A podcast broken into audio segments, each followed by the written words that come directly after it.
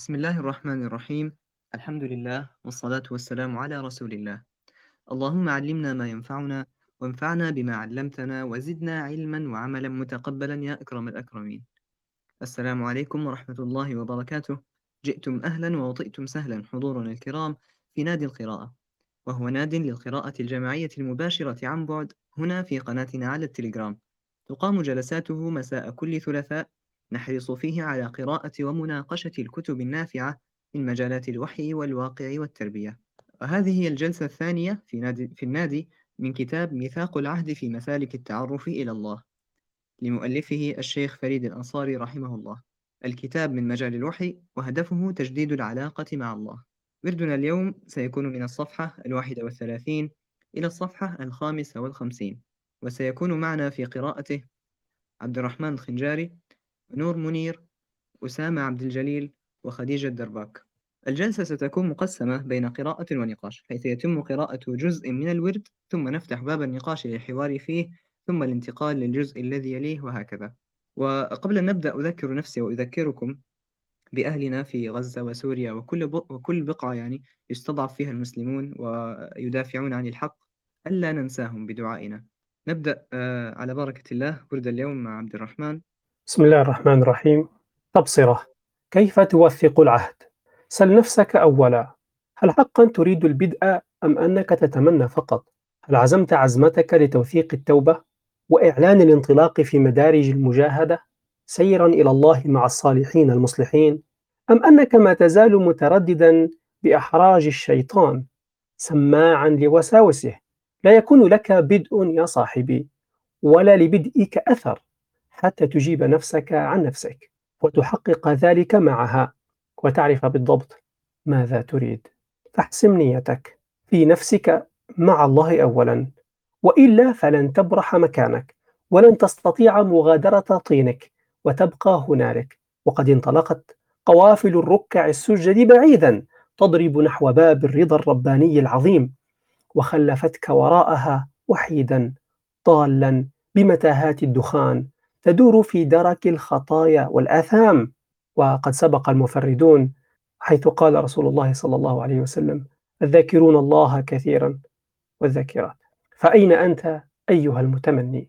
تلك قوافل المسترشدين الراشدين قد انطلقت يقودها إلى الله محمد رسول الله صلى الله عليه وسلم سائر بكل من معه وإنما معه الذين حققوا المعية النبوية وهم أصحاب الميامين ثم تبعهم من إخوانهم المحجلين.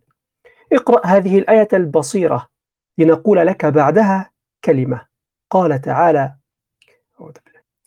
محمد رسول الله والذين معه أشداء على الكفار رحماء بينهم تراهم ركعا سجدا يبتغون فضلا من الله ورضوانا.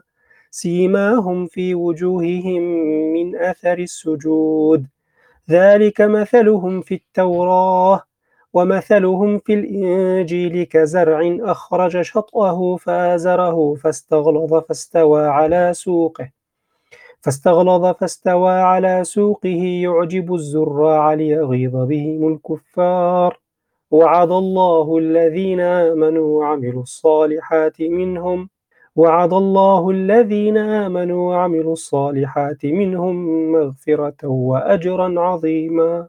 الآية تدبر الآية كلها أولا ثم خص بتدبرك عبارة والذين معه إنهم أهل المعية النبوية وأهل السيما والسيماء أو السيماء العلامة الدالة على معنى وهم إذن الربانيون أصحاب علامة الرضا من أثر السجود. وليست المعية ها هنا هي المعاصرة الدنيوية فقد عاصره كثير من الكفار والمنافقين وكان المنافقون معه. لكن ليس بمعنى المعية النبوية الاتباعية وإنما معه الربانيون. ولذلك دخل في معنى الآية إخوانه أيضا وإخوانه هم كل من آمن به من أمته صلى الله عليه وسلم ولم يره وكان من الصادقين. وذلك قوله عليه الصلاة والسلام وددت أني لقيت إخواني قالوا يا رسول الله ألسنا إخوانك؟ قال بل أنتم أصحابي وإخواني الذين آمنوا بي ولم يروني. وفي رواية أخرى مفصلة قال صلى الله عليه وسلم وددت أن قد رأينا إخواننا قالوا أولسنا إخوانك؟ قال بل أنتم أصحابي وإخواننا الذين لم يأتوا بعد قالوا كيف تعرف من لم يأتي بعد من أمتك؟ قال أرأيت لو أن رجلا له, له خيل غر محجلة بين ظهري خيل دهم بهم. ألا يعرف خيله؟ وفي الحاشية هناك تعريج على كلمة آه، دهم بهم. غر جمع أغر والغرة هي بياض على جبهة الحصان الأسود أو الأحمر أو نحو ذلك من ذوات الألوان الداكنة من غير البياض. والتحجيل بياض يكون على قدميه والبهم جمع أبهم. وهو في الخيل الحصان ذو اللون الواحد من حمرة أو سواد أو نحوها غير مشوب بشيء غير لونه ذاك. والدهم جمع أدهم وهو ذو اللون الأسود الشديد السواد. انتهت الحاشية وأعود إلى نص الكتاب. قالوا بلى! قال فإنهم يأتون يوم القيامة غرا محجلين من الوضوء وأنا فرطهم على الحوض. ألا ليذاذن رجال عن حوضي كما يذاد البعير الضال. أناديهم ألا هلم؟ فيقال إنهم قد بدلوا بعدك. فأقول سحقا سحقا. الحديث. ذلك العهد. فذلك ميثاقه وذلك نقضه. هو عهد إذن نقطعه مع أنفسنا لله وحده. مخلصين له الدين إن شاء الله. سائرين إليه تعالى على طريق الإيمان رغبا ورهبا معتصمين بكتابه وبسنة نبيه صلى الله عليه وسلم استجابة لبلاغات القرآن العظيم وقياما بأمرها. وأما باب الدخول إلى ذلك تطبيقا وتحقيقا فهو أعمال وأقوال وبيان ذلك هو كما يلي. الفصل الثاني في عهد الذكر. نستغل هذا الفصل ببصيرتين من كتاب الله تعالى. لهما دلالة النور للقلب السالك في ظلمات الحيرة والتيه. فاقرأ وتدبر ولا تعجل حتى تستكمل شعاع النور. فأما أولاها فهي قول رب العزة جل وعلا إنما المؤمنون الذين إذا ذكر الله وجلت قلوبهم وإذا تليت عليهم آياته زادتهم إيمانا وعلى ربهم يتوكلون هذه بصيرة من بصائر القرآن ذات مسلك عجيب في التعرف إلى الله اسأل نفسك أين أنت منها؟ أو بعبارة أخرى أكثر تفصيلا اسأل ماذا تعرف عن الله؟ وما منزلة قلبك بين الخوف والرجاء؟ فإما أن القلب ينعم بجمال الوجل كما استنار بجلال التعرف إلى الله وإما فويل للقاسية قلوبهم من ذكر الله أولئك في ضلال مبين الآية وأما الثانية فهي قوله تعالى ومن يعش عن ذكر الرحمن نقيض له شيطانا فهو له قرين. الآية. وذلك طريق من لم يعرف نور الذكر إلى قلبه مسلكا. فأن يكون الخروج إلى مسلك النور؟ كيف التخلص؟ من غفلة من غفلة العشو عن ذكر الرحمن. كيف يكون تحصيل القلب الوجل من ذكر الله؟ انتهى الورد. بارك الله فيك يا عبد الرحمن على القراءة الطيبة. آه هذا أول أول ورد في في جلسة اليوم واللي كملنا فيه الفصل الأول وكان في آخر آه، جزء منه في كيف. آه، كيف توثق العهد. آه، بعدها كمل معنا في بداية الفصل الثاني اللي هو بداية عهد عهد الذكر. ففي بداية الآن تو الباب مفتوح للمشاركات أي حد عنده مشاركة إضافة أي شيء خطر في باله أثناء القراءة ممكن آه، يضغط زر رفع اليد ونفتح له المايك بإذن الله. طيب في البداية هنا ذكر آه، كيفية توثيق العهد، والعهد هنا آه، أشار إليه ب أو بالشيء اللي يسهّل وييسّر هذا العهد توثيقه هي المعية. المعية النبوية اللي ذكرها اللي حققها أصحاب النبي صلى الله عليه وسلم، و والملاحظة اللي آه، ركّزت ركّز عليها شوية إن المعية ما هيش كونهم هم عاشوا معاه بس، لأن فيه غيره من ال من الكفار والمنافقين كانوا عايشين معه، وإنما المعية الربانية في تطبيق في تطبيق الأثر والسنة. آآ وهذا ماهوش آه، متاح ليهم هم بس، بل متاح حتى لل للأشخاص اللي بعده، ف فنسأل الله أن يوفقنا لتحقيق هذه المعية. آآ السلام عليكم آآ عليكم. للجميع. آآ سبحان الله موضوع المعية آآ من الأمور ال سبحان الله اللي اللي لها بُعد ق عظيم جدًا في الإسلام. يعني خلّينا نحاول نوعًا ما نخش طول في الفكرة اللي بنقولها. لمّا نعرف أن المرء مع من أحب، الحديث النبوي اللي قال لنا الرسول صلى الله عليه وسلم عليه واللي فرحوا به الصحابة فرح عظيم جدًا. يعني آه، يعني فكرة إن تكون ال المحبة هي مفتاح المعية، إنك أنت تكون مع حد، والمحبة هي مش فقط كلمة تُقال أنا نحب فلان أو أنا نحب الله عز وجل، أنا نحب الرسول صلى الله عليه وسلم، لا هي هي حتكون شعور يقود إلى سلوك، يعني المُحِب لمن يحب مطيعه، فلمّا تحب حد أنت بتضطر تلقى نفسك بتطيعه، تسارع في هواه، تسارع في آآ إرضائه، في تلبية آآ أ في تنفيذ أوامره، ف واقت يعني اختفاء أثره، فسبحان الله يعني آآ يعني يوم القيامة في ناس ما عمرهم شافوا بعضهم أو يعني في ناس حتكون مثلًا مع أنبياء ما عمرهم هم شافوهم بس هو يحبه، يحب سيرته، يحب الصالحين، حيكون معاهم. ال ال ال العلاقة ال ال علاقة المحبة و وما يترتب عليها من عمل آآ سبحان الله يعني باب باب باب باب كبير جدًا. آآ لعل في الدنيا هذه بال بالقوانين الفيزيائية وال والظروف اللي عايشين إحنا صعب مرات تتلاقى معاهم يعني وتشوفهم، لكن سبحان الله في يوم القيامة وفي الجنة هذه كلها ال القوانين تسقط، آآ فعلًا تبقى ال المحبة الصادقة هو اللي راح يبين يعني في النهاية. فبس هذه غير حبيت نقولها على سيرة المعية، بارك الله فيك. جزاك الله خيرًا على هذه الإضافة. آمم طيب آآ الباب مفتوح ما زال للمشاركات. آآ هذا هذا نهاية ال الفصل الأول. الفصل الثاني ذكر فيه عهد الذكر، وبدأ بحاجتين سماهم بصيرتين. البصيرة الأولى هي تعظيم تعظيم ذكر الله، ويعني الآية اللي ابتدأ بها هي قوله تعالى: "إنما المؤمنون الذين إذا ذُكر الله وجلت قلوبهم وإذا تُليت عليهم آياته زادتهم إيمانًا وعلى ربهم يتوكلون." آآ تعظيم ال القرآن وال والآيات يعني سينبُع بسهولة إذا آآ عُرف قائل هذه الكلمات.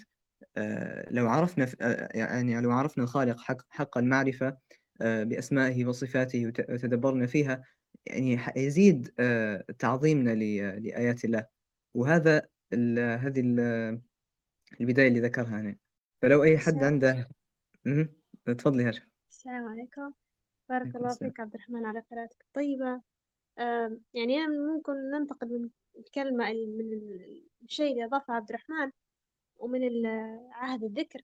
يعني سبحان الله المهندس أيمن عبد الرحيم يعلق على نقطة الحب فيقول الحب في ديننا منجي الإنسان يحب الرسول عليه الصلاة والسلام فيحاول إنه هو يجتهد في أن يفعل كل شيء يعني أمر به الرسول أو سننه أو يعني وكذلك يعني الصحابة والتابعين وكل الصالحين.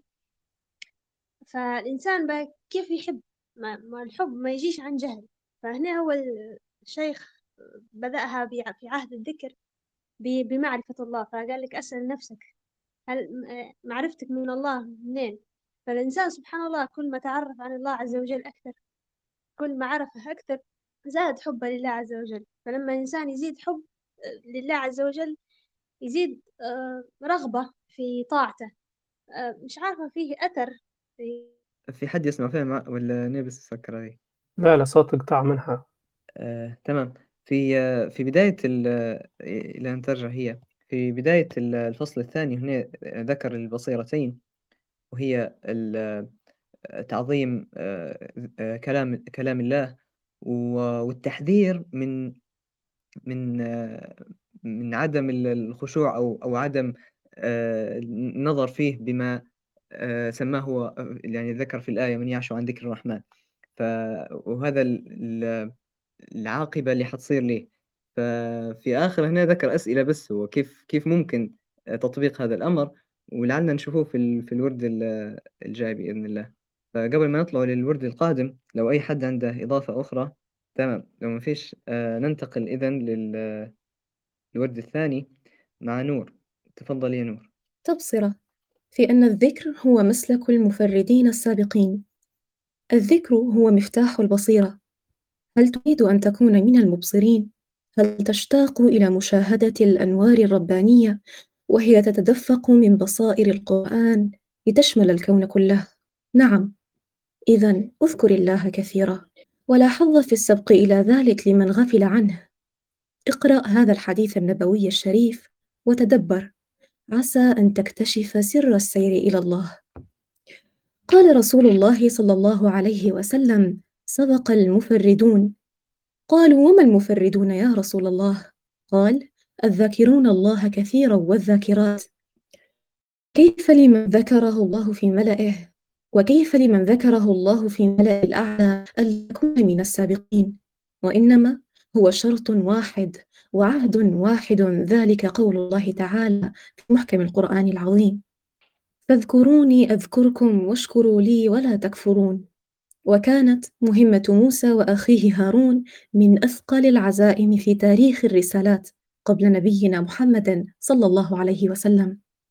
إنها دعوة فرعون ذلك الطاغية الذي قال في الناس أنا ربكم الأعلى. وإنما كان زاد موسى وأخيه في طريقهما إليه. ذكر الله. ومع ذكر الله يتضاءل الجبل حتى يكون مثل حصى. قال عز وجل اذهب أنت وأخوك بآياتي ولا تنيا في ذكري. اذهبا إلى فرعون إنه طغى. فقولا له قولا لينا لعله يتذكر أو يخشى. قال ربنا إننا نخاف أن يفرط علينا أو أن يطغى. قال لا تخافا إنني معكما أسمع وأرى. إن المعية الربانية كانت صلة مع الاستمرار في الذكر وعدم الفتور منه ولا تنيا في ذكري. والمعية هي الله العبد في الدنيا والآخرة وإنما هي حال المقربين السابقين من الملائكة والأنبياء والصديقين. ألم يقل عز وجل في حق الملائكة العندية يسبحون الليل والنهار لا يفترون.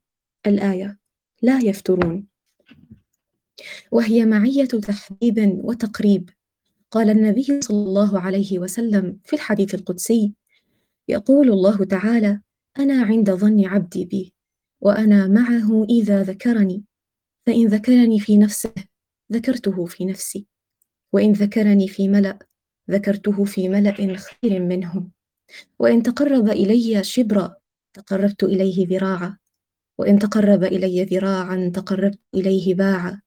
وإن أتاني يمشي أتيته هرولا فليس عبثا إذا أن يكون الذكر أفضل في بعض مراتبه من إنفاق الذهب والفضة بل من الجهاد في سبيل الله.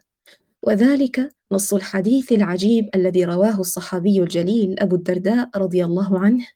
قال قال النبي صلى الله عليه وسلم ألا أنبئكم بخير أعمالكم وأزكاها عند مليككم وأرفعها في درجاتكم وخير لكم من إنفاق الذهب والورق وخير لكم من أن تلقوا أن تلقوا عدوكم فتضربوا أعناقهم ويضربوا أعناقكم. قالوا بلى. قال ذكر الله تعالى. فقال معاذ بن جبل رضي الله عنه ما شيء أنجى من عذاب الله من ذكر الله. وهذه مرتبة خاصة من الذكر. سيأتي بيانها بحول الله. تلك هي القصة إذن. وتلك هي الطريق. فأين الذاكرون؟ أين حصتك من, من الذكر صباحا؟ وأين هي حصتك مساء؟ ألم يقل الله تعالى للمؤمنين يا أيها الذين آمنوا اذكروا الله ذكرا كثيرا وسبحوه بكرة وأصيلا وقال سبحانه إن في خلق السماوات والأرض واختلاف الليل والنهار لآيات لآيات لأولي الألباب. الذين يذكرون الله قياما وقعودا وعلى جنوبهم ويتفكرون في خلق السماوات والأرض. ربنا ما خلقت هذا باطلا سبحانك. فقنا عذاب النار. وما زال رسول الله صلى الله عليه وسلم يوصي بالتزام الذكر ومداومته. عسى أن يكون المؤمن من المتشبثين. فعن عبد الله بن بسر رضي الله عنه أن رجلا قال يا رسول الله إن شرائع الإسلام قد كثرت علي فأخبرني بشيء أتشبث به. قال لا يزال لسانك رطبا من ذكر الله. هكذا رطبا. كأنما هو بقلة أو زهرة أو ثمرة. تستمد الماء من نبع دائما يفيض بالحياة والذكر حياة الروح كأنما اللسان جذره الممتد إلى الغدير. أين أنت يا أخي من ذلك كله؟ كلمة واحدة نقولها لك. فانظر ماذا ترى. كلمة واحدة ولن نزيد. سبق المفرد مفردون وإنما الحكم بين المتنافسين هو الطريق. تبصرة. كيف تذكر الله؟ لا يكون لك انطلاق حقيقي إن لم تحقق هذا الأمر أولا. وهو جواب. وهو جواب كيف يكون الذكر ما طبيعته ما مادته ما ظروفه وما مسلكه. ذكر الله عبارة عن غذاء عن غذاء تعبدي تنتفع به تنتفع به النفس وتقوى على السير إليه تعالى وبدونه قطعا لا يكون شيء لا سير ولا وصول. وإنما أعمال الإسلام كلها ذكر بدءا بالإقرار بالشهادتين حتى الصلاة والصيام والزكاة والحج. وما تفرع عنها جميعا من صالح الأعمال سواء في ذلك الواجبات والنوافل. وعلى هذا يحمل قوله تعالى ومن يعش عن ذكر الرحمن نقيض له شيطانا فهو له قرين وقوله ومن أعرض عن ذكري فإن له معيشة ضنكا ونحشره يوم القيامة أعمى. قال رب لم حشرتني أعمى وقد كنت بصيرا. قال كذلك أتتك آياتنا فنسي فنسيتها وكذلك اليوم تنسى. فالذكر هنا هو الإيمان والإسلام. وإنما سمي ذكرا لأنه إقرار بما عهد الله بما عهد الله إلى بني آدم في عالم في عالم الذر من التوحيد وبما طبع عليه فطرتهم من الإيمان السابق إلى النفس ابتداء. قال تعالى إذ أخذ ربك من بني آدم من ظهورهم ذرية ذريتهم وأشهدهم على أنفسهم ألست بربكم؟ قالوا بلى شاء قالوا بلى شهدنا أن تقولوا يوم القيامة إنا كنا عن هذا غافلين. وقال سبحانه ألم أعهد إليكم يا بني آدم ألا تعبدوا الشيطان إنه لكم عدو مبين وأن اعبدوني هذا صراط مستقيم. عذرا المايك كان مسكر آه، طيب بعد آه، الورد الثاني مع قراءة نور الحسنة أحسن الله إليها. دخلنا في كيفية الذكر وذكر في الورد الذي قبله أن أن الذكر هو أساس أساس لمن يريد المعية والولوج إليها. فبدأ ب في في مسلك الذكر وكيفيته. فمن عنده مشاركة أو إضافة نترك لكم الباب الآن مفتوحا. السلام عليكم ورحمة الله وبركاته. وعليكم السلام ورحمة الله. بارك الله فيك نور على قراءتك الطيبة. وسبحان الله مسلك الذكر. عظيم جدا. يعني يكفي هي الآيات والأحاديث اللي وردت عن الرسول عليه الصلاة والسلام والآيات الكريمة في, القرآن. إنسان يعني يتدبرها ويشوف عظمة الذكر يعني من هذا الجانب. ولكن ممكن آه شيء عملي الإنسان آه يشعر من خلاله بحلاوة الذكر ويعني يعينه على أنه يكون ذاكر فعلا لله كثيرا في يومه.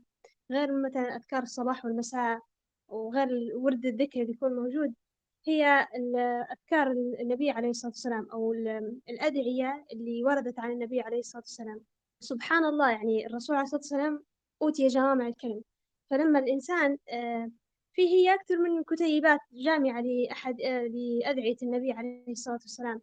فسبحان الله لما الإنسان مثلا يخصص في يومه يقول أنا بندعي بأدعية النبي عليه الصلاة والسلام يشعر خلال اليوم يتردد فعلا بالذكر يحس قديش ما هو جمع في هذاك اليوم الخير الكثير.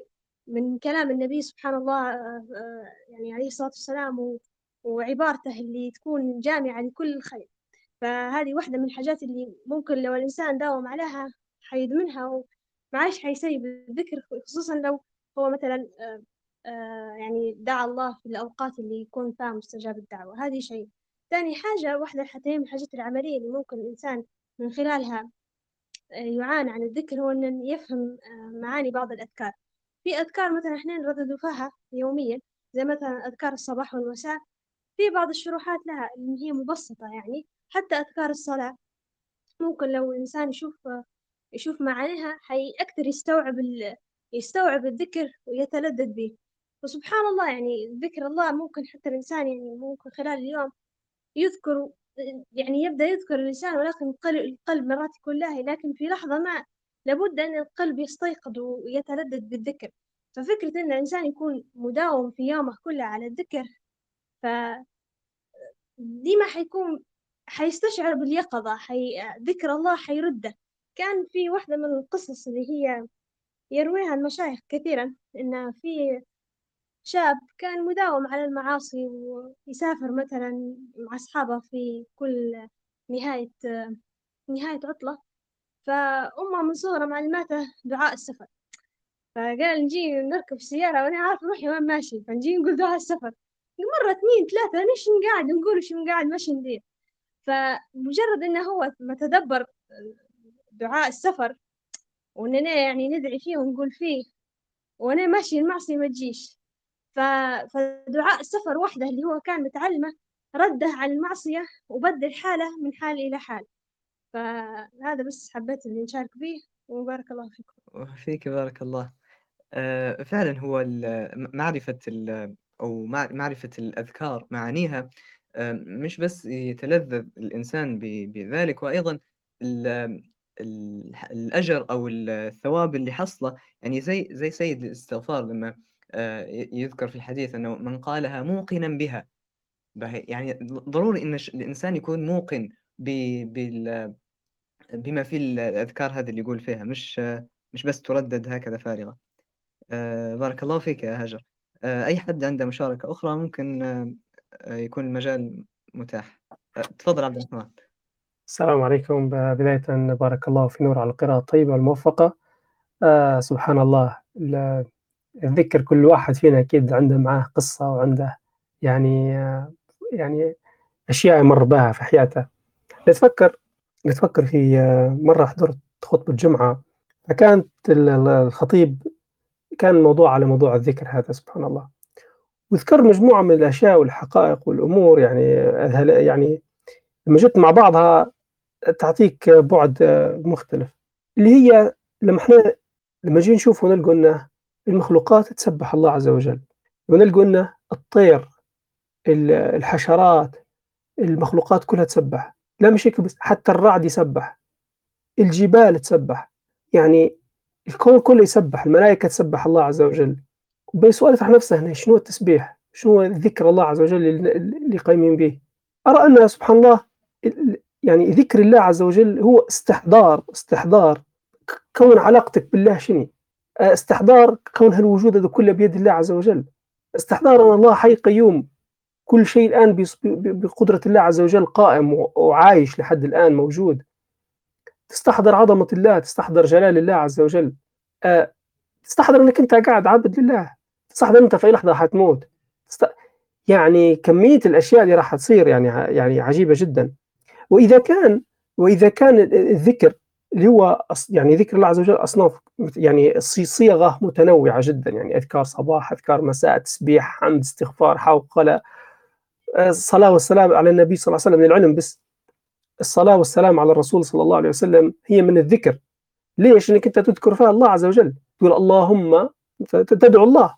صلي على محمد وعلى آل محمد. هذه في نوع من الحمد لله عز وجل والحمد والشكر للرسول صلى الله عليه وسلم. يعني أنت تحمد الله عز وجل آه، بعث لنا الرسول صلى الله عليه وسلم. دي نوع من أنك أنت تشكر الرسول صلى الله عليه وسلم وتختمها شنو؟ إنك حميد مجيد. تاخذها بالصيغة الكاملة. أنت قاعد في ذكر لله عز وجل آه، في الأمر هذا. آه، ف وهذا الذكر هو حتى سواء كان فقط باللسان أو كان استحضار القلب كل في كله خير أنا قاعد نقول. آه، صح والأفضل إن الإنسان يستحضر قلبه والمعاني ممتاز لكن اللسان طالما إنه يتحرك ما يتحركش من فراغ. اللسان يغرف يقول لك اللسان هو زي المغرب زي كشك ياخذ من القلب. اللي في القلب على اللسان. لو فعلا في حب لله عز وجل الانسان حيلهج بالذكر. حيكون آه زي ما قال الرسول صلى الله عليه وسلم الظوا بهذا الجلال والإكرام. يعني يكثروا منها.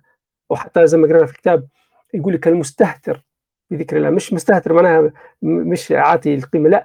معناها لسانه مش حاس به لدرجة إنه مش مش حاس بلسانه في, في الذكر. فهذه هذه حاجة عظيمة جدا في في الجانب هو.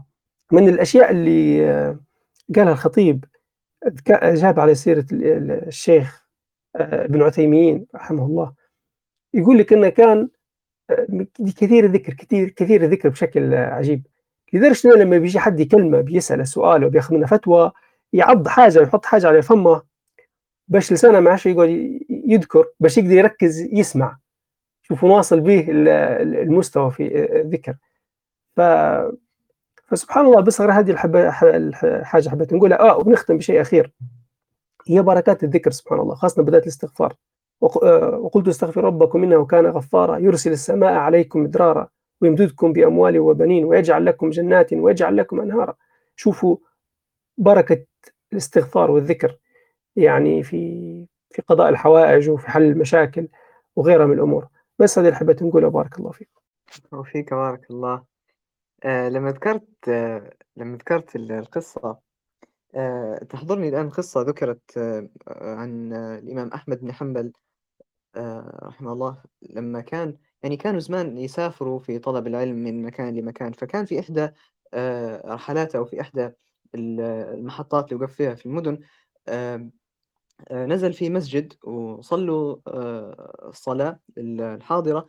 وبعدها القيم على المسجد جاب يسكر المسجد. ف فأحمد بن حنبل ما عندهش وين كان يقعد فيه كان مسافر. والناس في هذيك الفترة ما يعرفوش ما كانش فيه تلفزيون وكذا فهو معروف بالاسم بس لكن الشكل ما يعرفوش منه.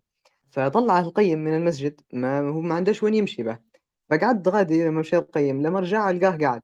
فتعفلك آه، منه؟ وجره من رجله طلعه من المسجد إلى آه، مخبز في جانب المسجد غادي.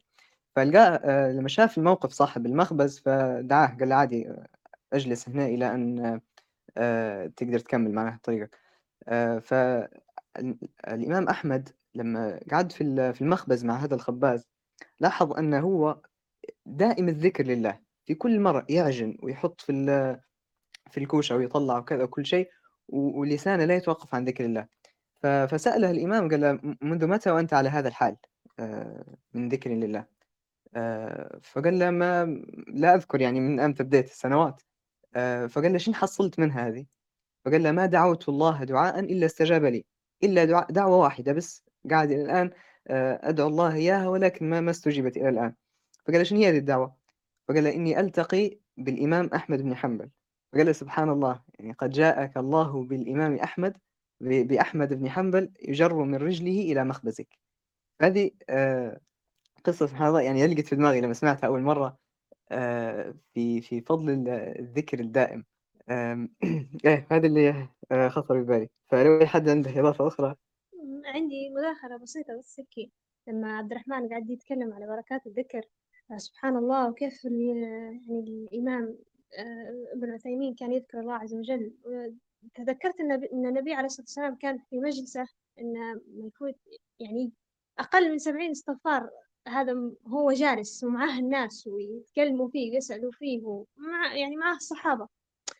فاللسان نفسه هو هذا كان مشغلتاش بالخير بيشغل بالشر. وأنا ما يستحضرنيش آه، النص الكامل للحديث أو الحديث النبي عليه الصلاة والسلام اللي نصح فيه سيدنا معاذ ونبه على اللسان وقال له يعني إن الناس يكبوا على وجوههم في النار من حصائد ألسنتهم. فاللسان هذا ديم حيطيحك في مشكلة حيطيحك في مشكلة. سواء غيبة نميمة كلام مش ماليش فايدة. فأنت بمجرد ما تشغله بالذكر الدائم والمستمر حتخفف من وطأة أخطاء اللسان وعثراته وإنه هو يدخلك في مشاكل عويصة. ف... فسبحان الله يعني الإنسان لما يكون فعلا رطب لسانه رطب بذكر الله يعني هذا شخص مستمر الذكر بالذات بالذات في المجالس يعني إن الإنسان في المجلس لما هو يكون لاهي بالذكر كذا بيهدرز مع الناس لو حاجة فيها فايدة بس لما ينشغل بالذكر وحوله مثلا الناس مثلا في غيبة ولا نميمة وقدرش ينوض مثلا حاجة فإنه هو يذكر الله عز وجل في ذلك المجلس ويكون في حاجة فيها فائدة فهذه نعمة عظيمة. وهذه هي حاجة حبيت أضيفها وبارك الله فيكم آه، جزاك الله خيرا. آه، هو ال ال إن الإنسان يشغل نفسه آه، بالذكر في ذاته وأيضا يحاول يجد يعني رفقة أو أو معين على هذا. يعني حتى أذكار الصباح والمساء أحيانا لما يذكرها الشخص مع مع رفقة هيكون هذا معين جدا إنه يستحضر ولا يعتادها عادة. طيب. إذا ما فيش أي مشاركات أخرى ممكن ننتقل للورد التالي. إذا ننتقل للورد الثالث مع أسامة. تفضل يا أسامة. وبهذا المعنى لم يكن الدين كله إلا ذكرى ولم تكن مهمة الرسل إلا تذكيرا. تذكيرا بالعهد الأول الذي أخذه الله على بني آدم في الوجود النفسي من عالم الغيب. وبهذا المعنى أيضا لم يكن الرسول إلا مذكرا. ولذلك قال قال تعالى لمحمد صلى الله عليه وسلم بأسلوب الحصر هذا فذكر إنما أنت مذكر الآية. والناس عندما يتذكرون حقيقة وجودهم وطبيعته الابتلائية يشرعون في العودة إلى خالقهم عبر مدارج الدين. فالمؤمن الحق هو الذي يذكر هذه الحقيقة فلا يغره الرخاء ولا تزلزله المصيبة. بل إنه عند المصيبة يتقوى بهذه الحقيقة العودة إلى عالم الغيب الذي منه كان البدء. وتلك هي كلمة إنا لله وإنا إليه راجعون الآية التي تقال عند وقوع البلاء.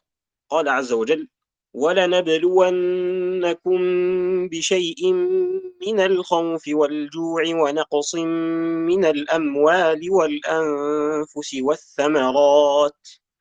وبشر الصابرين. الذين إذا أصابتهم مصيبة قالوا إنا لله وإنا إليه راجعون. أولئك عليهم صلوات من ربهم ورحمة وأولئك هم المهتدون. الآية لكن قد يطلق لفظ الذكر في الشرع بمعنى أخص فيقصد به ما شرعه النبي صلى الله عليه وسلم من العبادات القولية أو اللسانية التي يرددها العبد في أوراده اليومية ويتحرك بها لسانه تسبيحا وتحميدا وتهليلا. وتكبيرا ونحو ذلك وهو المراد مما سبق إيراده. قول الرسول صلى الله عليه وسلم فيما رواه الصحابي الجليل عبد الله بن بسر رضي الله عنه أن رجلا قال يا رسول الله إن شرائع إن شرائع الإسلام قد كثرت علي فأخبرني بشيء أتشبث به. قال لا يزال لسانك رطبا من ذكر الله. الحديث إلا أن هذا المعنى الخاص لا يخرج عن المعنى الكلي. الذي يراد به تذكر الحقيقة الإيمانية الكبرى التي هي مناط الدين كله والراجعة إلى توحيد الله في ربوبيته وألوهيته. فوظيفة الذكر بهذا المعنى الخاص هي تجديد معنى الإيمان في النفس وترسيخها وترقيتها بمدارجه ومراتبه حتى تكون من أهل البصائر ومشاهدة الحقائق في الآيات القرآنية والكونية. وهنا يقول الكاتب لا يجوز للمسلم الذي صحت عقيدته أن يغلو في القول بالمشاهدات بما يخالف أصول العقيدة. كالذين يعتقدون بأن الذكر يكشف حجب الغيب للإنسان ليقرأ في اللوح المحفوظ. فهذا من الموروثات عن ترهات أهل الخرافات وأباطيل الشطحات. وقد أجمع العارفون المحققون على ألا حقيقة إلا ما صدر عن عن مشكات الشريعة منضبطا بضوابط العقيدة الصحيحة. وإنما وإنما الموفق من وفقه الله وأما اللوح المحفوظ فهو ديوان الغيب والقضاء والقدر. فلا أحد من الأنبياء زعم علينا أنه يقرأ فيه إلا ما جاء وحيا معلوما وقواطع القرآن قاطعة لكل جدل عقيم. قال سبحانه يخاطب نبيه صلى الله عليه وسلم قل لا أقول لكم عندي خزائن الله ولا أعلم الغيب ولا أقول لكم إني ملك إن أتبع إلا ما يوحى إلي وقال سبحانه وما كان الله ليطلعكم على الغيب وقال أيضا قل لا يعلم من في السماوات والأرض الغيب إلا الله وما يشعرون أيان يبعثون. الآية وغاية ما ثبت عن النبي صلى الله عليه وسلم من ذلك أنه سمع صوت أقلام الملائكة الذين يستنسخون من اللوح المحفوظ. نعم سمع ولم يرى هذا ما صح به الحديث. قد أخرج البخاري أنه صلى الله عليه وسلم قال عرج بي حتى ظهر حتى ظهرت بمستوى أسمع فيه صريف الأقلام. فعجبا أن يطلع أحد من أمة محمد صلى الله عليه وسلم على ما لم يطلع عليه محمد صلى الله عليه وسلم نفسه. أليست هذه دعوة عريضة؟ هي أكثر غلوا من دعوى النبوة. فاقرأ وتدبر ثم تبين. وأما كشوفات المؤمن ومشاهدته فإنما غايته تبصر حقائق الكون والقرآن في النفس وفي المجتمع. وكفى بها حقيقة عظمى. تملأ القلب وتعمر الوجدان. ولكن لمن كان له قلب أو ألقى السمع وهو شهيد. نعود الآن. وقوله صلى الله عليه وسلم في الحديث المذكور لا يزال لسانك رطبا من ذكر الله دال على الاستمرار. فعبادة فعبارة لا يزال تدل في العربية على بقاء ما دخلت عليه وتحكم بدوامه. وإنما قال صلى الله عليه وسلم ذلك لأن النفس في سيرها إلى مولاها بعد إيمانها وصلاحها قد تبل وتفتر أو تصيبها الوحشة أو قد تغفل فتشرد وتضل وتضطرب فتحتاج إلى تذكير دائم يجدد لها إيمانها ويزكيه حتى تطمئن أحوالها. ومن هنا قوله تعالى في هذه الآية اللطيفة العجيبة الذين آمنوا وتطمئن قلوبهم بذكر الله.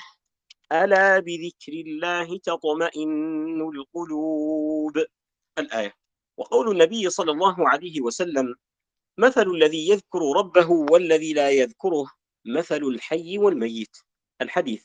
فالذكر إذن حضور واستحضار.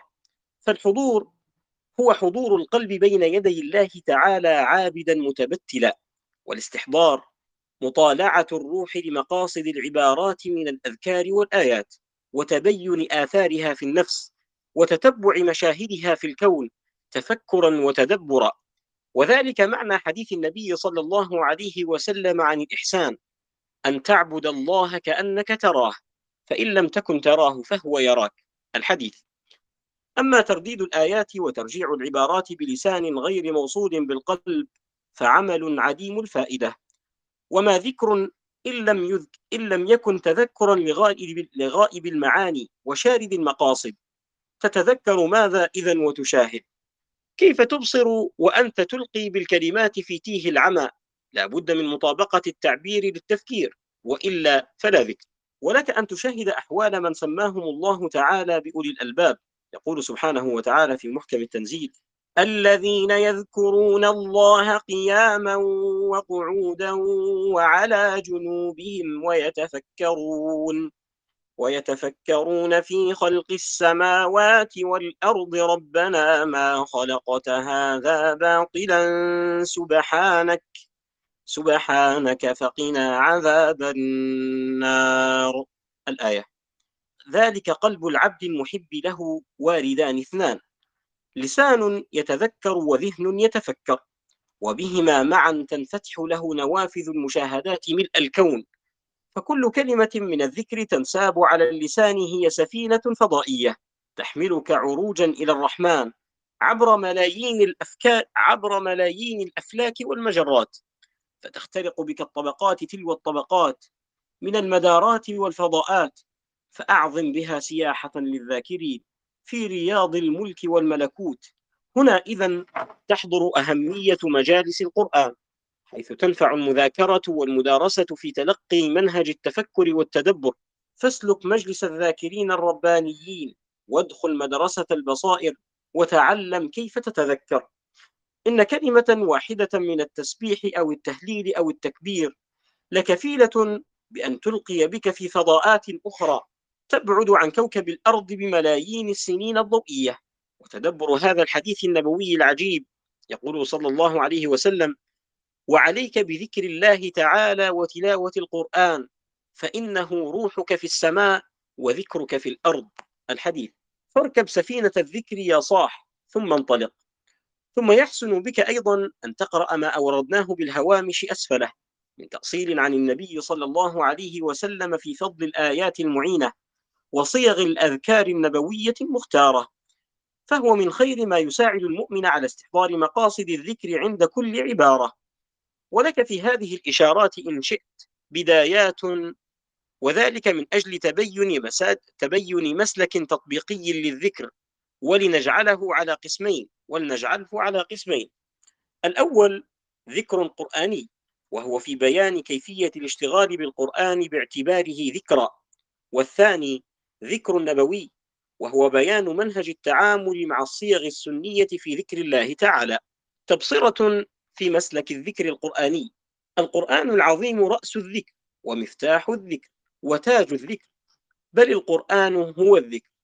قال سبحانه وتعالى وإن يكاد الذين كفروا ليزلقونك بأبصارهم لما سمعوا الذكر ويقولون لما سمعوا الذكر ويقولون إنه لمجنون وما هو إلا ذكر للعالمين. الآية. والقرآن أيضا به يكون الذكر. يقول سبحانه صاد والقرآن ذي الذكر والفتنة حينما يطوف بها الشيطان في كل مكان يعمي بها البصائر. فيحفظ الله الذاكرين. قال سبحانه إن الذين اتقوا إذا مسهم طائف من الشيطان تذكروا تذكروا فإذا هم مبصرون. الآية الإشكال الآن هو كيف نحصل الذكر بالقرآن؟ هذا هو السؤال الأهم لأنه ليس كل قارئ للقرآن هو بذاكر. انتهى الورد. جزاك الله خيرا يا أسامة على قراءتك الحسنة. في هذا الورد آه، ذكر سبحان الله يعني أولا أن أن الذكر هو تقريبا من جل جل آه، الدين عبارة عن ذكر ولكن ذكر بأشكال مختلفة. ولكن الذكر كما تكلمنا في في الأوراد السابقة أيضا لا يجب أن يكون فارغا. يجب أن يخص بمعنى يستحضره الإنسان أثناء ذكره. فمن عنده أي مشاركة أو مداخلة في هذا الأمر آه، الباب مفتوح. السلام عليكم. بارك الله فيك أسامة على قراءتك الطيبة. أخطر على موضوع الذكر وملامسة القلب للذكر. كيف يعني آه العقيدة عقيدة يعني عقيدة الإسلام فيها جانب قلبي. آه، نتذكر لما كنت نقرأ في كتاب آه، جمالية الدين للشيخ فريد الأنصاري رحمه الله نوه على جمالية العقيدة وجمالية الدين. فتكلم عليه سبحان الله قعد يشرح في معنى كلمة لا إله إلا الله. شو معناتها؟ آه مفردة إله. ومنين جاية؟ عشان هي أصلها سبحان الله؟ إن من أله الفطيم اللي هو بالناقة الصغير لما يصير إنه يفطموها على أمه فيطلع في صوت مشتاق لأمه. كان المعنى والبعد اللي هو كان يشرح فيه فسبحان الله قعدت كل ما نقول لا إله إلا الله نسترد في إن سبحان الله الإنسان بقوله هذا الشيء. إنه هو يأله إلى الله عز وجل ويشتاق لله عز وجل وإنه هو يتقرب لله عز وجل بسائر العبادات ف... فلما الإنسان سبحان الله يعلم معاني الأذكار بالذات الأذكار اللي يردد فيها يوميا يستشعر بعظيم عظيم النعم. زي ما حكينا بكري عبد الرحمن لما سبحان الله الإنسان يذكر الله عز وجل يسبحه ويمجده يعرف هو حقيقته كإنسان ضعيف ويعرف حقيقة الله عز وجل وعظمة الله عز وجل. فهذا بس آه، حاجة حبيت كي نشاركها معكم وبارك الله فيكم. وفيك بارك الله. أي أيضًا فيه مثال آخر آآ سمعته مرّة، هو مثال يعني نوعًا ما يمشي مع الصغار، ولكن هو مقنع، مقنع جدًا. في آه، الإنسان لمّا يستغفر كيف طريقة الاستغفار، يعني والم المثال هنا ضربه ب بإنك أنت تغلط في شخص معيّن تخطئ في حقه، فتمشي تعتذر له، فهل تقدر تمشي تعتذر له وتقول له آسف، آسف، آسف، آسف، آسف، آسف؟ هيك غير غير آه، غير مقبولة أبدًا بالمقياس البشري، فما بالك ب بما هو أكبر من ذلك، فلمّا ديمًا نتذكر المثال هو مقنع جدًا. ن نعاود في يعني الاستحضار اللي نقول فيه قدّامي، آآ فهذا مثال جه في بالي لمّا ذكرتيه. حد عنده مشاركة أخرى؟ آآ ممكن آه،. آه، السلام عليكم. آآ سبحان الله السلام لمّا جبنا سيرة ال الذكر وال وكيف استحضار القلب، أعتقد من أشياء من أهم الأشياء المعينة على ذلك هي معرفة فضيلة كل ذكر. يعني في أذكار الرسول صلى الله عليه وسلم قال لنا الذكر هذا شنو الفضيلة متاعها أو شنو ال ال الأجر أو الثواب. فهني تو تفكرت الكتاب متاع هنيئًا لمن عرف ربه في نهاية الكتاب، فممكن نشارك معاكم شوية فضائل اللي مذكورة في الأخير. فأعتقد تو كنا نشوف في الشاشة قدامنا نجي لنهاية الكتاب. في مجموعة من ال الأذكار حناخد عينة منهم هيك في مثلًا آآ طبعًا لمّا نقول الدعاء الذكر يعني الدعاء من ضمنه. تمام، آآ في دعاء يا حي يا قيوم برحمتك أستغيث أصلح لي شأني كله ولا تكلني إلى نفسي طرفة عين، هذا دعاء من فضله دعاء المكروب. ناخذ مثلًا دعاء سيد الاستغفار آآ اللي هو اللهم أنت ربي لا إله إلا أنت خلقتني وأنا عبدك وأنا على عهدك ووعدك ما استطعت أعوذ بك من شر ما صنعت أبوء لك بنعمتك علي وأبوء بذنبي فاغفر لي فإنه لا يغفر الذنوب إلا أنت فضله من قاله حين يصبح فمات دخل الجنة ومن قاله حين يمسي فمات من ليلته دخل الجنة. يعني سبحان الله هذا فكرني أيضا بقراءة آية الكرسي بعد كل صلاة مفروضة لها نفس الأجر. هناخده نشوفه دعاء آخر. من الذكر هذا أيضا. أعوذ بالله العظيم وبوجهه الكريم وسلطانه القديم من الشيطان الرجيم. فضله حفظ سائر اليوم. يعني تخيل أنت عندك ضمان حفظ سائر اليوم أنت محفوظ. أه سبحان الله. نجي مثلا شوفوا الحديث أو الدعاء الجميل هذا. اللهم أسلمت وجهي إليك وفوضت أمري إليك وألجأت ظهري إليك رغبة ورهبة إليك. لا ملجأ ولا منجى منك إلا إليك. اللهم آمنت بكتابك الذي أنزلت وبنبيك الذي أرسلت. هذا تقوله مرة واحدة قبل النوم. فضلة. إن مت من ليلتك فأنت على الفطرة. وأوصاك رسول الله صلى الله عليه وسلم اجعلهن آخر ما تتكلم به. حاجة أخيرة ممكن مش نطول عارف؟ في حديث آخر اللي هو هذا هو شوفوا لا حول ولا قوة إلا بالله. يعتبر هذا تقدر تقول منه قد ما تقدر. كنز من كنوز الجنة وباب من أبواب الجنة. بس هذا حبيت نشاركه معكم وتقدروا تطلعوا عليهم أكثر. فنسأل الله عز وجل أن ينفعنا يجعلنا من الذاكرين الله كثيرا والذاكرات. وبارك الله فيكم اللهم آمين. آه بارك الله فيك. آه نأخذ مشاركة من هاجر.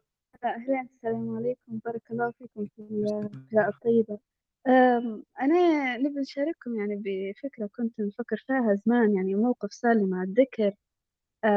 أنا لما كنت صغيرة يعني كنت الذكر ما كنتش نفهم في فايدته. آه، لأن إذا كان الله مطلع على قلبي يعني أنا لما نبي حد يفهمني وحد يسمع كلامي نحكي باش يقدر يفهمني. آه، لكن أنا نعرف إن الله مطلع على قلبي فأنا علاش نتكلم؟ أنا علاش نحرك في لساني؟ علاش نطلع في صوت لما نسبح؟ علاش مش وأنا ساكتة؟ في مكاني نعرف إن الله مطلع على قلبي وربي يسمع فيا وكذا. فأنا هذه كانت هيك دارت لي إشكالية إن كيف ديننا مربوط آه، بالعمل وبالجوارح الداخل.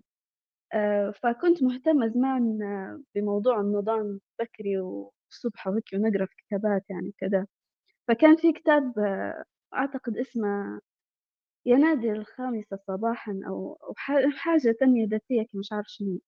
المهم خلصت الكتاب آه إنه يقول لك الكاتب يعني هو واحد أجنبي ناسي اسمه آه إنه هو اخترع الروتين وجايب علماء وأبحاث وقصص يعني. فإنه هو دار هذه المعادلة اللي خلاص تخلي أي حد ينوض الصبح بكري روتين خلاص إن هي عندك ساعة أول ما تنوض الصبح آه تقسم الساعة متاعك عشرين دقيقة عشرين دقيقة عشرين دقيقة آه وبالترتيب هذا ما نعرفش لو حد لاحظ الباترن اللي حنقولها توا. أنا أعتقد عشرين دقيقة إنك آه تنوض أول شيء تدير دوش وبعتالي تدير حركات تمارين رياضية خفيفة. مش مجهدة خفيفة. وبعدها تقعمس تقرا من كتاب تحبه عشر دقايق. وبعدها قعمس تطلع ورقة كاتب فيها حاجة يسموا فيها هم التوكيدات التوكيدات الإيجابية أو حاجة زي هيك إن أنت تجي تنوض الصبح آه تقول أنا كويس أنا طيب أنا محظوظ أنا جميل أنا مش عارف شيء وتقولها بصوت عالي. نتذكر إن هو استرد يعني إيجابيات التوكيدات هذه والحاجات أنا ما كنتش مؤمنة بها يعني بس إن بوحوت وقصة يعني مدايرين في الموضوع. فلما شبحت كيف إن وص يعني وصل لي لروتين يعني قريب جدا جدا جدا من اللي إحنا يعني وصلنا من 1400 عام وإنه هو يشوف في هذا الاختراع اللي ما صارش يعني إحنا لما نوض نصلي الفجر فعلا نغتسلوا و... ونديروا حركات بالصلاة يعني نديروا تمارين خفيفة وبسيطة ولما نقعمزوا نقروا من القرآن وبعدها يعني نقولوا الأذكار. فسبحان الله بدل ما الواحد إنه هو يبجل نفسه ويركب على نفسه الضغط النفسي في التوكيدات الصباحية اللي هم يديروا فيها إن أنا أنا صاحب قراري أنا اللي أنا اللي أنا اللي حنخلي روحي ننجح أنا اللي حنخلي روحي نفشل. يعني نحس فيها إن الواحد يركب على روحه ضغط نفسي وهيك بس إحنا أحسن يعني إحنا في مرحلة أحسن إحنا نشكر الله ومسلمين له أحكام يعني كل شيء يصير لنا نقول إنه هو لله وهيك فإحنا مرتاحين نفسيا أكثر وهيك. ففعلا الأذكار يعني مرات الشخص لما يكون منطقي أكثر من لازم يقول لأ يعني شو فايدتها وما دام ربي مطلع على قلبي وكذا فأنا مش لازم إني نذكر أو نسبح. بس بالعكس لما الجوارح تتصرف أو تتكلم بذكر الله وأنت تسمع روحك ونعرفش نحس إن الحاجة هذه يعني لها تأثير أكثر من إنه لو تخليها في قلبي. بس هذه هي المداخلة متاعي وشكرا آه، بارك الله فيك. إضافة إضافة جميلة. آه، كونها هي الأذكار هذه يعني نحن محتاجينها كغذاء للروح. وهم يسموا فيها آه، شو اسمه تنمية بشرية أو ذاتية أو كذا. بارك الله فيك على الربط.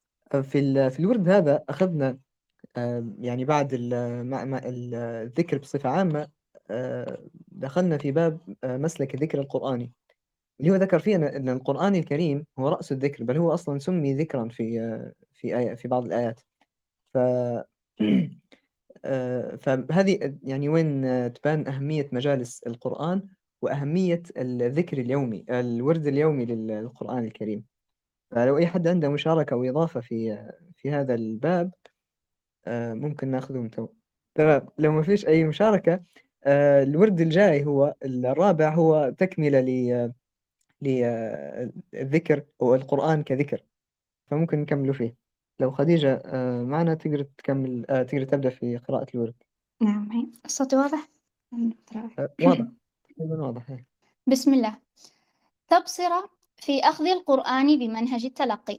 كثيرون هم أولئك الناس الذين يتلون القرآن اليوم أو يستمعون له على الإجمال على أشكال وأغراض مختلفة ولكن قليل منهم يتلقى القرآن. وإنما يؤتى القرآن ثمار الذكر حقيقة لمن تلقاه. وإنما كان رسول الله صلى الله عليه وسلم يتلقى القرآن من ربه. قال تعالى وإنك لتلقى القرآن من لدن حكيم عليم. ولا يزال القرآن معروضا لمن يتلقاه وليس لمن يتلوه فقط.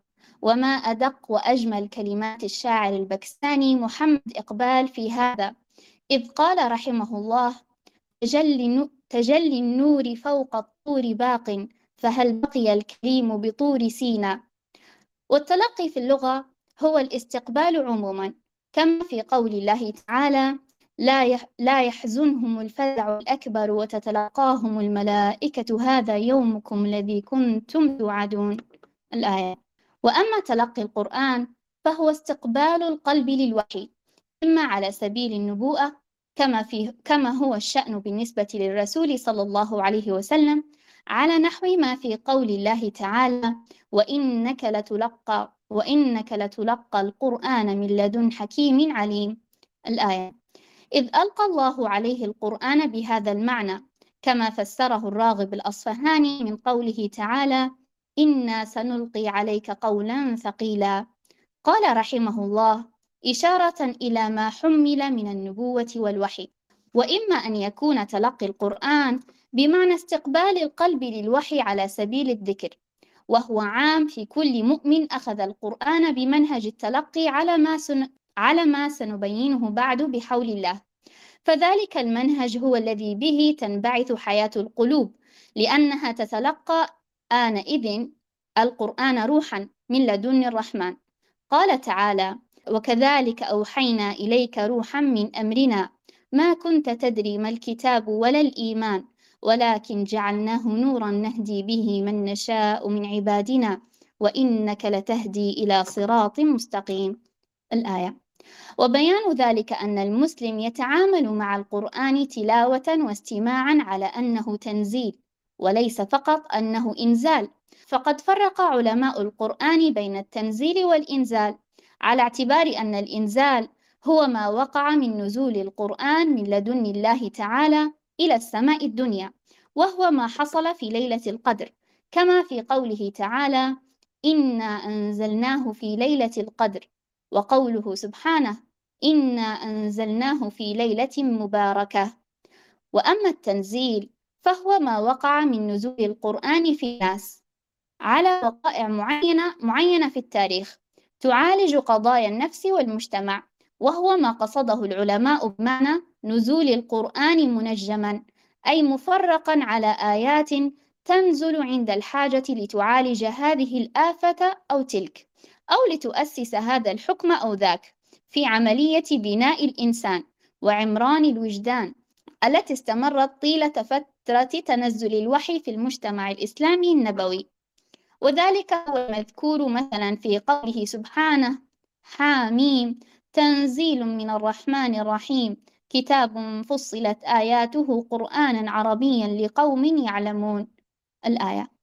فالتنزيل تفريق القرآن آيات آيات.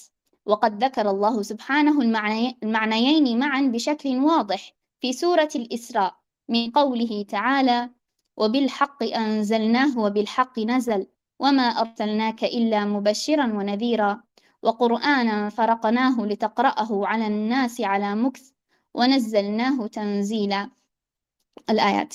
ومن هنا قال الراغب الأصفهاني الفرق بين الإنزال والتنزيل في وصف القرآن والملائكة أن التنزيل يختص بالوضع الذي يشير إليه إنزاله مفرقا ومرة بعد أخرى. والإنزال عام وقوله تعالى شهر رمضان الذي أنزل فيه القرآن وقوله إنا أنزلناه في ليلة إنا أنزلناه في ليلة القدر. إنما خص لفظ لفظ الإنزال دون التنزيل لما روي أن القرآن نزل دفعة واحدة إلى السماء الدنيا ثم نزل نجما فنجما. أخرج ابن مردويه عن ابن عباس في قوله إنا أنزلناه في ليلة مباركة قال أنزل القرآن أنزل القرآن في ليلة القدر ثم نزل به جبريل على رسول الله نجوما بجواب كلام الناس وتلقي القرآن بمعنى استقبال القلب للوحي على سبيل الذكر إنما يكون بأخذه فضلا عن كونه إنزالا على أنه تنزيل حيث يتعامل معه العبد ويتدبره آية آية باعتبار أنها تنزلت عليه لتخاطبه هو في نفسه ووجدانه. فتبعث فتبعث فتبعث قلبه حيا في عصره وزمانه. ومن هنا وصف الله تعالى العبد الذي يتلقى القرآن بهذا المعنى بأنه يلقي له السمع بشهود القلب. قال تعالى إن في ذلك لذكرى لمن كان له قلب أو ألقى السمع وهو شهيد. الآية ذلك هو الذاكر حقا الذي يحصل الذكر ولا يكون من الغافلين. أن تتلقى القرآن معناه إذن أن تصغي إلى الله أن تصغي إلى الله يخاطبك. فتبصر حقائق الآيات وهي تتنزل على قلبك روحا.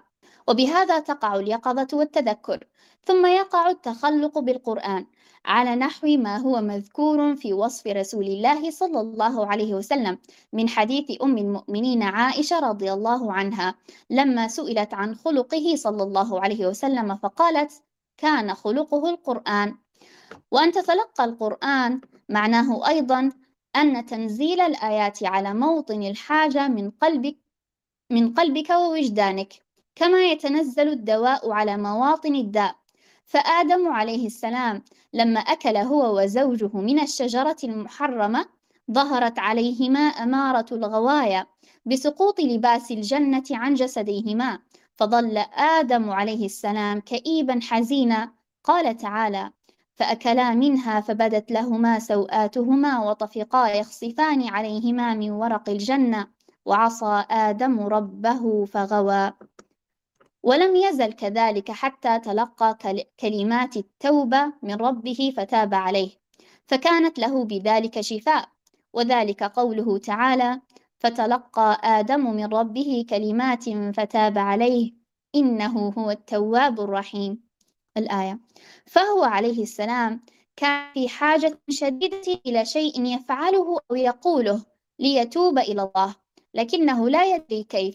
فأنزل الله عليه برحمته تعالى كلمات التوبة ليتوب بها هو وزوجه إلى الله تعالى وهي كما يقول المفسرون قوله تعالى قالا ربنا ظلمنا أنفسنا وإن لم تغفر لنا وترحمنا لنكونن من الخاسرين الآية.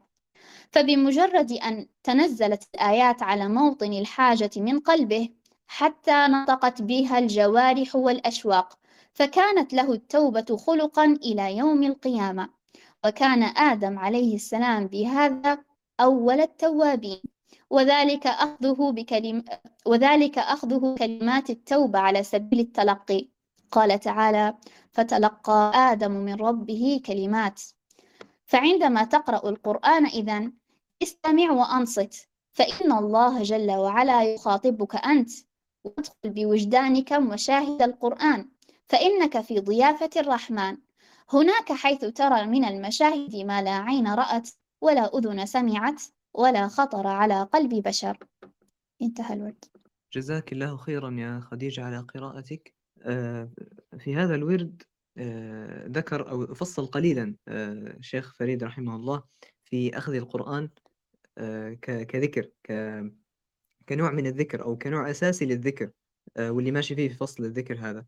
فأي حد عنده مشاركة أو إضافة في موضوع القرآن الكريم وتلقيه حيكون حتكون المساحة مفتوحة لكم. السلام عليكم ورحمة الله وبركاته. آه بارك الله فيك يا خديجة على القراءة الطيبة والموفقة. آه سبحان الله موضوع تلقي كلمات القرآن آه أمره عجيب جدا. والمدة الماضية يعني صار في يعني قرأنا أنا تفكر قرأنا كتاب يعني الشيخ فريد الأنصاري اللي هو مجالس القرآن. ومنها يعني حتى في نفس الوقت يعني إعلان للجميع الآن. إن شاء الله في قريبا حيكون في برنامج بهالخصوص هذا. يعني مجالس القرآن. فسبحان الله اللي تعلمناه من الشيخ فريد اللي هي إنك أنت لازم تنظر للقرآن آه زي ما قالوا موضوع التنزيل ينزل. والتنزيل هذا أو لازم فيها عملية استقبال. لازم قلبك يكون مستحضر عملية الاستقبال. زي ما نقول إحنا مثلا يعني تشبيه صح التشبيه والله أعلم. زي ما نقول إشارة يعني أنت حد في إشارة ضروري يكون في مستقبل للإشارة هذه عشان تنتفع بالإشارة. يعني زي الراديو إذا الراديو ما يلتقطش الإشارة مش حتسمع شيء فيه. فلازم أنت تكون عمليا عندك جهاز الاستقبال يكون عندك صافي وهو القلب. فإحنا قلبنا لازم يكون مهيئ لذلك الاستقبال ومهيئ لذلك التلقي. فلهذا كان حتى من لما يوصي في يعني الخطوات العملية اللي هي الإنسان لما بيديرها لمجلس مجلس القرآن يوصي إنه يكون إنسان على وضوء يكون على طهارة آه، يكون في مكان ما فيش لغو ما فيش آه، تشويش. ليش؟ باش تصير تصير عملية التلقي ويعني الاستفادة من من كلمات الله عز وجل في هذا في السياق. وتدبر. الكلمة اللي هي أو الفعل المطلوب منا إحنا تدبر. تدبر يختلف على إنك أنت تعرف التفسير فقط. يعني الآية لما تعرف معناها الظاهري شنو معناها هذه؟ المعنى شنو تقصد؟ كذا هذا ما يسمىش تدبر. هذا معناه تفسير تأخذ المعنى بظاهرة. أما التدبر وأيضا كما في اللغة هو تتبع الشيء من دبره يعني ديما تشوفه من وراه من خلفه. فإنك أنت الآيات بتحاول تدب يعني تدبر فيها من إنك تحاول تلف عليها تحاول آه، مش تلف قصدي تحاول تشوف المعنى اللي بتحاول توصله. المعنى اللي مش ظاهر قدامك بالنص تحاول توصله. بتعرف مثلا شنو المآلات لذلك الأمر. على سبيل المثال إحنا لما تمر علينا آيات الجنة وآيات النار. عرفنا جنة وعرفنا نار تمام؟ لكن هل إحنا مستحضرنا المآلات نتاع الأمر؟ هل إحنا بنكون من أهل الجنة ولا بنكون من أهل النار؟ يعني لازم تحاول تفكر في الأمر هو. وهذا عملية التفكر أو التدبر أو محاولة استخ... تخايل الأمر هذا حي... حيدير أثر شعوري في, النفس. آه لا هذا تبدا المعنى اللي تقرأ فيه تبدأ تحاول تعيشه بمشاعرك تبدأ تدخل فيه في الجانب هو. فوالله أعلم إذا حبيت نقولها وإن شاء الله يكون في نفع وبارك الله فيكم. وفيك بارك الله. هو سبحان الله آه، الشيخ فريد الأنصاري ولو أن نتكلم يعني باختصار هنا عن عن القرآن آه، كمسلك آه، لكن في في عدة كتب أخرى زي رسالات القرآن أو مجالس القرآن وغيرها عدة كتب يعني يشرح فيها بتفصيل وبمعاني بالغة جدا. الإنسان لو أي شخص يعني يحاول يقرأ أي كتاب من هذيك يعني حي حيتأثر وحي حيوصل له المعنى. فبارك الله فيك عبد الرحمن على الإضافة والتسريب. أي حد عنده مشاركة أخرى ما زال الباب مفتوح. تمام. كان هذا الجلسة الثانية من من الكتاب ورغم قصرة يعني أنا مؤمن بالفائدة العظيمة اللي حيتلقاه اللي حنتلقاها من منه في القراءة. وهي في ملاحظة بسيطة اللي هي الجلسات اللي قاعدين نسجلوا فيها توا واللي السابقة كلها موجودة على قناة اليوتيوب قناة الإصلاح التربوي. لأي حد ممكن يستمع لليوتيوب أحسن له من تليجرام. فيلقاهم جميع التسجيلات متاحة والتسجيلات الجديدة كذلك تنزل أول بأول إن شاء الله. فحتلقوا على اليوتيوب. القناة وممكن نحط لها رابط في المجموعة مجموعة النقاش ممكن نختم هذه الجلسة نختمها وقبل ما نختم نذكركم مجددا بالدعاء لإخواننا المستضعفين. فلا ننسوهم نختم بكفارة المجلس. سبحانك اللهم وبحمدك. نشهد أن لا إله إلا أنت. نستغفرك ونتوب إليك. بسم الله الرحمن الرحيم. والعصر إن الإنسان لفي خسر إلا الذين آمنوا وعملوا الصالحات وتواصوا بالحق وتواصوا بالصبر. السلام عليكم ورحمة الله وبركاته.